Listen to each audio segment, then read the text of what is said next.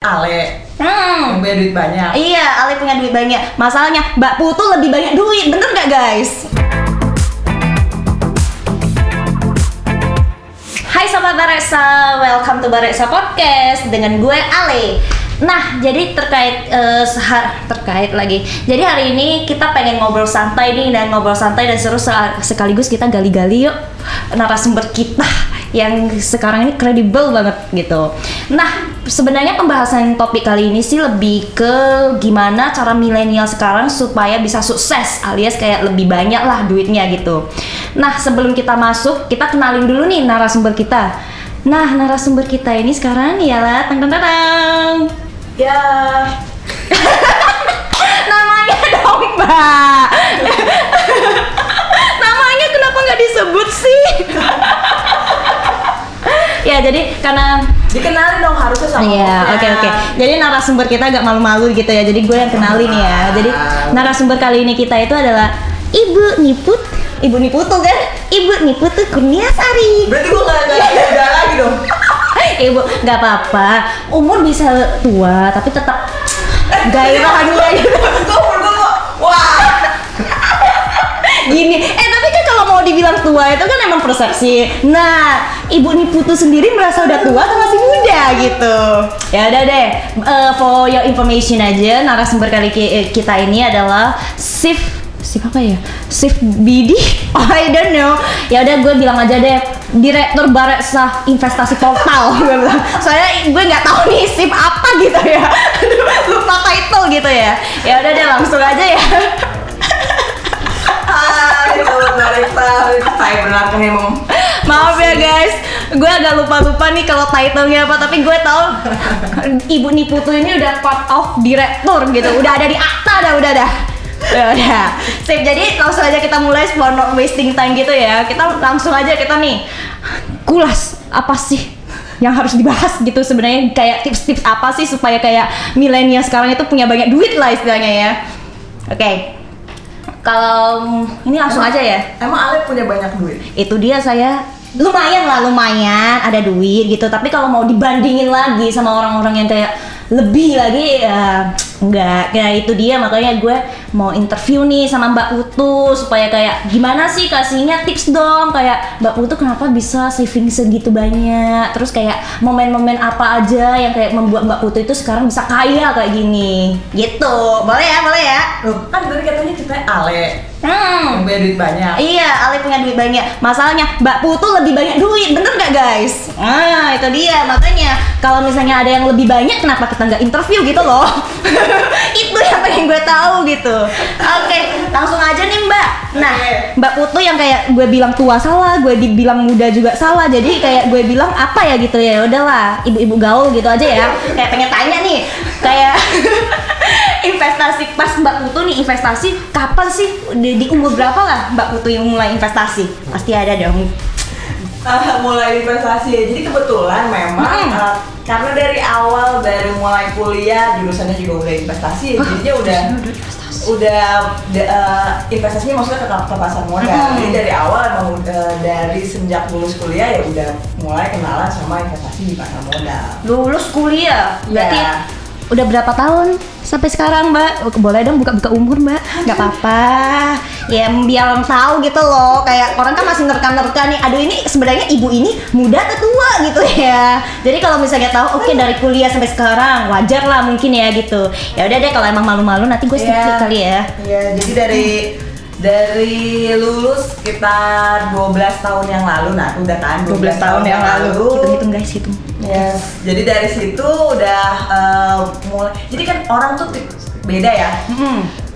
Eh, Bill Gates pernah bilang. Jadi ka- eh, kalau terlahir miskin itu bukan salah kita, itu takdir. Jadi kita lahir mana? Tapi kalau kita sampai meninggal miskin itu salah kita. Oke.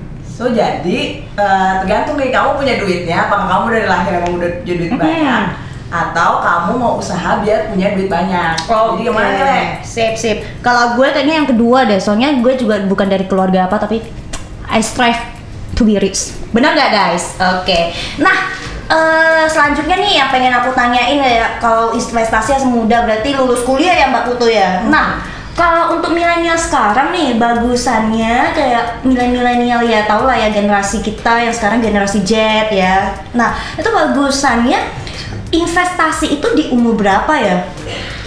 bagusannya investasi di umur berapa? Oke. Hmm. Kalau lihat dari eh, eh, apa namanya? Lihat dari dari pertumbuhan ekonomi sekarang, sorry ini agak-agak berat dikit. Oh, Jadi iya, kalau lihat di generasi sekarang sih sebenarnya Hmm. mereka tuh udah lebih eh, enak ketimbang generasi kita ya eh, generasi ibu bapak kita yang sebelumnya. Karena generasi ibu bapak kita yang sebelumnya tuh benar-benar eh, apa namanya struggling untuk eh, dapetin rumah, Hmm. dapetin mobil. Kalau misalkan lihat dari eh, sekarang sih kebanyakan kan memang eh, semua udah eh, pakai dari uang ibu bapaknya ya kalau lihat dari yang generasi sekarang ini kan Mm-mm. karena sekarang emang lebih banyak yang masuk ke generasi menengah ke atas betul, kalau betul. lihat eh, apa namanya orang Indonesia sekarang dan Mm. eh, kita juga masuk di periode-periode emas di mana banyak usia-usia yang eh, produktif jadi kalian eh, masuk kerja juga sekarang kalau saya lihat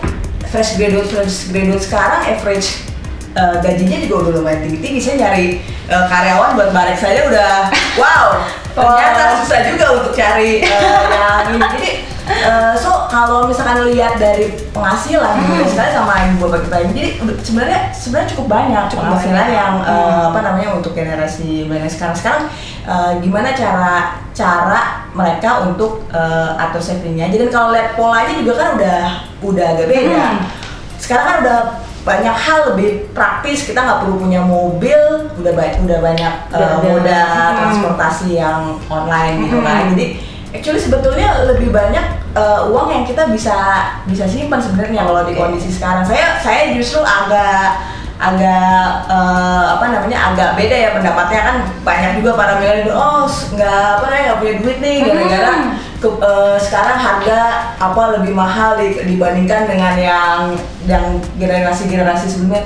Enggak justru kalau saya lihat sekarang eh, purchasing powernya orang sekarang tuh jadi lebih lebih tinggi dan costnya tuh sebenarnya banyak cost yang nggak penting. Yang yang pentingnya tuh justru lebih murah. Kayak sekarang kan udah banyak eh, kalau tempat tinggal udah banyak apartemen. Hmm. terus tadi kayak kalau transportasi kita nggak perlu punya pun kita ke bisa gitu. Udah udah udah banyak. Dan kayak eh, nyaman kayak MRT ada segala Hmm. macem nah sekarang tinggal gimana cara eh, pola hidupnya aja Pola hidup. tapi bukan berarti pola hidup itu oh ini harus harus bener-bener hemat kikir sekali sampai nggak nggak nggak harus gitu juga gitu loh maksudnya. Gak, gak gitu juga, gak gitu juga gitu. Oke. Cuman harus agak lebih lebih smart aja tahu Hmm. timingnya kapan yang eh, eh, apa namanya yang pas untuk Hmm. eh, kalian mulai menyimpan uang dengan benar gitu. Oke. Karena sip. banyak juga ternyata eh, teman-teman yang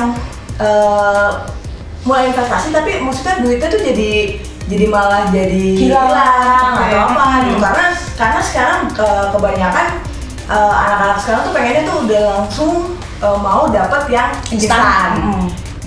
gitu jadi kayak misalnya eh, investasi banyak yang udah eh, mulai coba-coba mau misalnya let's say katakan Hmm. kayak mau eh, usaha buka ini buka itu Mm-mm. eh, bukan ngelarang ya kalau misalkan untuk jadi eh, apa namanya untuk emang emang punya eh, memang punya mental untuk jadi pengusaha tapi kalian harus kalau misal memang kalian mau investasinya dalam eh, apa namanya dalam bidang wira usaha ya kalian tuh harus benar-benar fokus sangat fokus sehingga usahanya itu benar-benar bisa berhasil walaupun pasti jatuh bangun jatuh Mm-mm, bangun kan gonta ganti bisnis apa segala macam. Tapi jangan yang model-modelnya tuh kayak ikut-ikutan.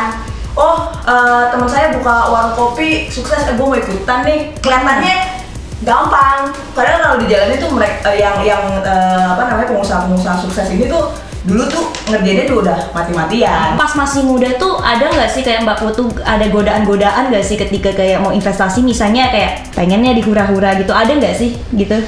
tergiur dengan investasi investasi yang langsung eh, apa namanya yang langsung bisa menghasilkan